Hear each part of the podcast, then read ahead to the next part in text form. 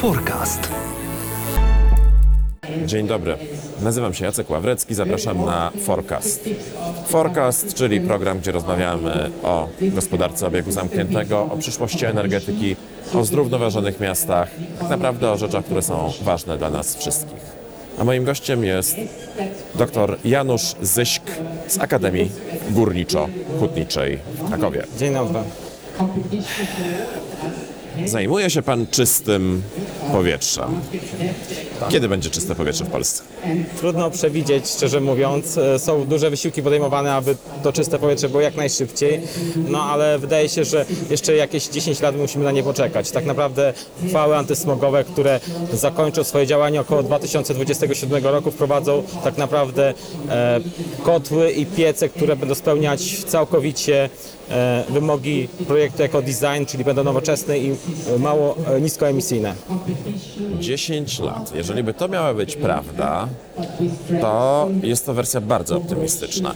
A Fortum jest firmą skandynawską i patrzymy na, na, na tamten region. W Sztokholmie na przykład w latach 50. ubiegłego wieku zaczęto walczyć ze smogiem, a, a e, można powiedzieć, że dopiero e, po półwieczu a Sztokholmianie, sztok, a mieszkańcy Sztokholmu a, zaczęli oddychać naprawdę czystym powietrzem. Także te 10 lat to, to byłby wynik e, znakomity. Co jest podstawowym czynnikiem, który gwarantuje nam ten sukces e, wokół, w, obe, w przeciągu e, 10 lat? Co musimy zrobić? Czy, czy, czy da się wyodrębnić taki kluczowy czynnik sukcesu? Tak, wydaje mi się, że najważniejsza jest e, likwidacja emisji z gospodarstw domowych, czyli spalanie e, no, złej jakości paliw w starych, wysokoemisyjnych kotłach i piecach. I tutaj dlatego taką powiedziałem perspektywę, bo wydaje mi się, że właśnie wymiana tych kotłów i pieców głównie e, lub też zastąpienie ich innymi źródłami spowoduje poprawę jakości powietrza. No tak, ale tych pieców jest w całej Polsce setki tysięcy, No, około miliony. 4 milionów e, szacuje się. Ile kosztuje wymiana jednego takiego pieca na jakieś ekologiczne źródło? No, tru, trudno powiedzieć, no, w kilka, kilkanaście tysięcy złotych na pewno wymiana samego e, kotła, ale tutaj jeszcze trzeba powiedzieć, że najczęściej wymiana kotła zwi- zwiąże się z, na przykład z termomodernizacją, więc te nakłady są bardzo duże. Czyli kilkanaście tysięcy plus drugie kilkanaście tysięcy, czyli 30 tysięcy? Plus kilkadziesiąt tysięcy. Kilkadziesiąt tysięcy razy 4 miliony. Stać nas na to? E, Program Czyste Powietrze przewiduje finansowanie w wysokości 103 miliardów złotych, więc nie wiem, czy nas stać. Takie są plany i wydaje się, że dla gospodarstwa domowego na pewno e, pojedynczego jest to bardzo duże obciążenie finansowe. A pytanie tak naprawdę, czy stać nas, żeby nic z tym nie robić? Przyglądał się Pan też kosztom nierobienia nic, a więc kosztom zdrowotnym, kosztom społecznym, które wszyscy ponosimy z powodu zanieczyszczonego powietrza? E, Tak, właściwie szacowaliśmy te, te koszty nawet i one są dość duże, w, w miliardach złotych też idą rocznie. Spowodowane jest to przede wszystkim wpływem na, na zdrowie ludzkie, ale też na wydajność pracy, na materiały. Na, to wszystko powoduje, że zła jakość powietrza e, jakby wpływa negatywnie na, na nasz budżet. Dlatego też warto jest e, inwestować w, w rzeczy, które poprawią tą jakość powietrza. I bilans pewnie wyjdzie dodatni.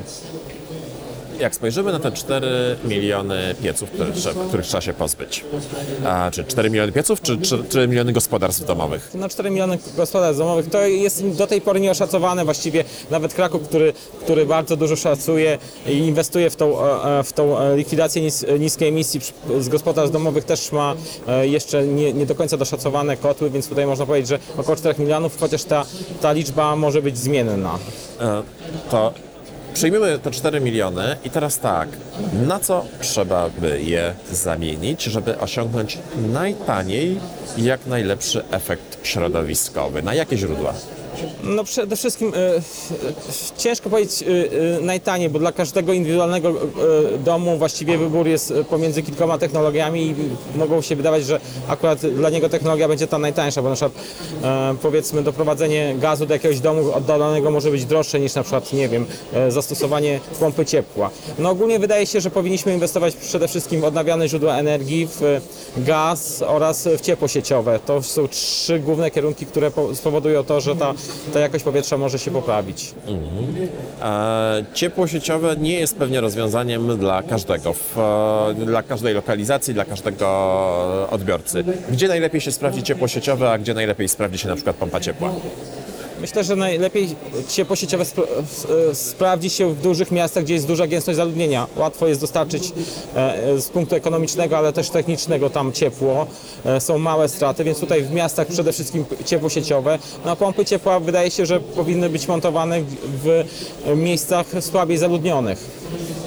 Skoro jesteśmy firmą ciepłowniczą, mówię tu o Fortum, e, dostarczamy ciepło sieciowe, produkujemy ciepło sieciowe, czy ma znaczenie e, źródło tego ciepła sieciowego, to miejsce, w którym je wytwarzamy? Ciepłownia, elektrociepłownia, rodzaj paliw. A jak to wygląda z punktu widzenia naukowca badającego wpływ na jakość powietrza?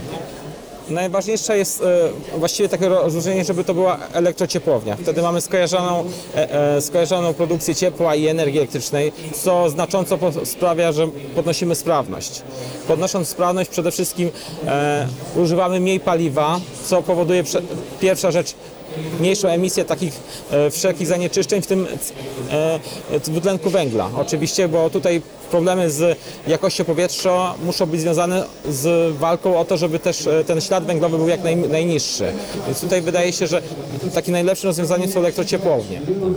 Czy ma znaczenie y, zestaw paliw w tej elektrociepłowni? Bo przecież większość elektrociepłowni w Polsce w tej chwili e, jest opalana węglem.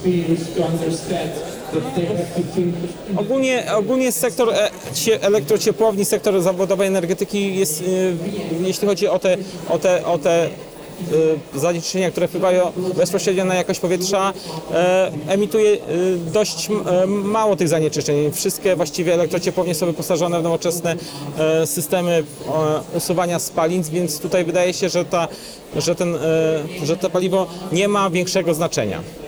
Czyli nawet y, ciepłownia węglowa jest znacznie lepszym rozwiązaniem niż e, piec węglowy w domu.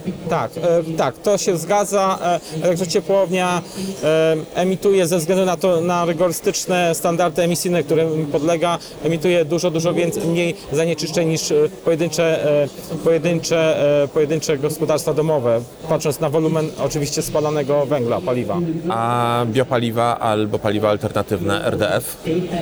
No, e, wydaje się, że te paliwa RDF, one e, mają chyba, e, są dla nich lepsze standardy emisyjne niż dla węgla, więc tutaj te emisje... Lepsze w sensie niższe, bardziej restrykcyjne. Tak, czyli też wydaje się, że, że one emitują jeszcze mniej niż elektrownie, elektrociepłownie węglowe.